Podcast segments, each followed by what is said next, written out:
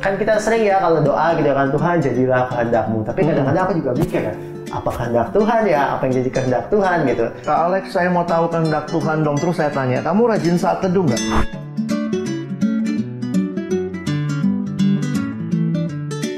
Apakah berpuasa itu juga uh, sebagai salah satu cara supaya kita mengenal kehendak Tuhan? Kan kita sering ya kalau doa gitu kan Tuhan jadilah kehendakmu. Tapi kadang-kadang aku juga mikir kan, apa kehendak Tuhan ya? Apa yang jadi kehendak Tuhan gitu?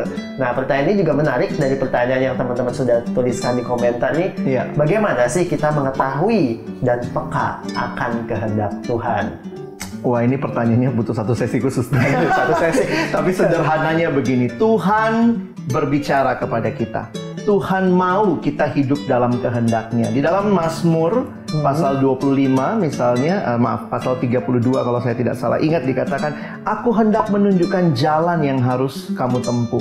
Jadi Tuhan rindu menunjukkan jalannya kepada kita. Nah masalahnya adalah apakah kita mau dengar, mau taat kepada Tuhan di mana Tuhan menyatakan kehendaknya? Saya pikir yang pertama dan terutama adalah di dalam firman firman Tuhan.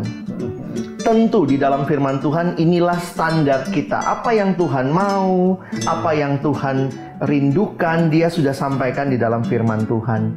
Tetapi Selain itu, Tuhan juga memberikan kepada kita berbagai hal di sekitarnya yang menolong kita bisa melihat bagaimana firman Tuhan ini akan menjadi satu uh, standar ya, misalnya situasi. Hmm. Seringkali Tuhan berbicara juga lewat situasi. Ya.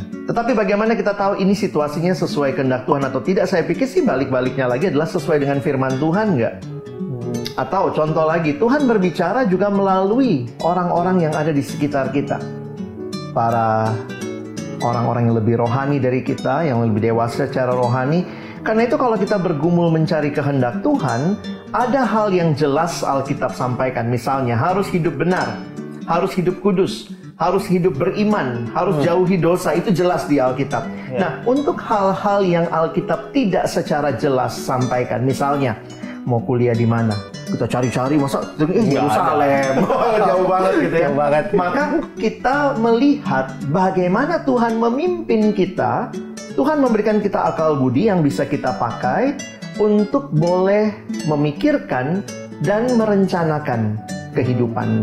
Tapi biarlah firman Tuhan itu menjadi semacam kerangka yang memberikan kepada kita uh, kerangka ini nih Misalnya saya cari kuliah yang di mana di dalamnya hmm. saya tidak akan terikat dalam dosa. Kalau saya sudah tahu di situ ternyata tempatnya begitu sulit untuk hidup benar, hidup kudus, maka mungkin saya nggak akan pilih ada di situ. Hmm. Karena itu Tuhan berikan dalam firman-Nya. Tuhan mau kita hidup kudus. Nah itu kira-kira yang saya pikirkan.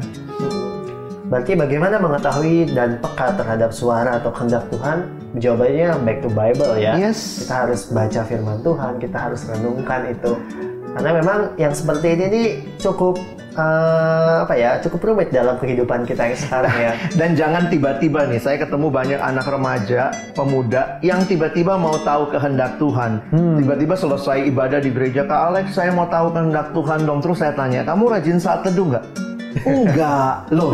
Mau tahu kehendak Tuhan tapi tidak memberi waktu, tidak memberi kesempatan Tuhan berbicara. Hmm. Loh, hmm. emang Tuhan bicara di mana? Loh, di dalam firman-Nya gitu. Hmm. Kamu baca Alkitab nggak? Enggak, tapi mau tahu kehendak Tuhan. Jadi ini kayak gak klop gitu ya. Hmm. Jadi saya pikir kita jangan uh, apa istilahnya jangan bercanda lah dengan kerohanian. Ya. Kita mau tahu kehendak Tuhan tapi maunya nggak pakai baca Alkitab lah. Ini gimana gitu ya. Jadi saya pikir kita harus membangun kerinduan yang dalam mengenal Tuhan. Oke, jadi menarik ya dalam proses pertumbuhan kita mengenal Allah ini tidak terjadi di satu sisi. Betul. Allah mengenal kita jelas ya kan. Pasti dia, itu. Bahkan dia ngerti, dia tahu bahwa setiap helai rambut kita itu terhitung yeah. ya kan. Tapi menjadi pertanyaan adalah apakah saya dan juga sobat muda mau mengenal Tuhan? Nah ini yang sulit. Kalaupun bilang mau, tapi memang ada banyak distraksi dalam kehidupan Betul. modern ini ya. Entah kita kalau udah bekerja mungkin teman-teman atau yang udah kuliah, rasanya waktu terasa sangat padat sehingga menyisihkan waktu itu terasa wow sangat sulit, Sulit ya, sangat sulit. betul. Tapi tidak ada yang mustahil kalau kita punya kemauan dan punya komitmen. Saya pikir kalau kita mau pikir lagi hitung-hitung, sebenarnya ada kok waktu. Hmm. Tuhan kasih waktu sama semua orang sama. Emangnya Ari dapat 25 jam sehari? Enggak, 24 Enggak, jam. 24 jam. Saya dapat 24 jam. Kalau bicara kekayaan kita bisa komplain, Tuhan kok dia lebih kaya maksudnya gitu. Iya. Kalau kita mau, mau bilang ini enggak adilnya itu tapi pasti Tuhan kasih untuk kemampuan masing-masing ya. Hmm. Tetapi waktu bicara waktu, semua kita dikasih waktu yang sama. Sama. Dan Tuhan minta kita memberi waktu kepada dia. Saya pikir ini satu hal yang kita responi dalam hidup ya. Memberi waktu kepada Tuhan. Jadi dari pertanyaan-pertanyaan ini semoga bisa merangkum dari Iya. segala jawaban yang mungkin teman-teman rindukan di sini bahwa hal yang paling penting adalah eh, relasi membutuhkan upaya dan ketika hari ini teman-teman dan sobat muda bilang yes aku mau semakin mengenal Allah berarti mulai hari ini komitmennya harus dijalankan ya. Mhm.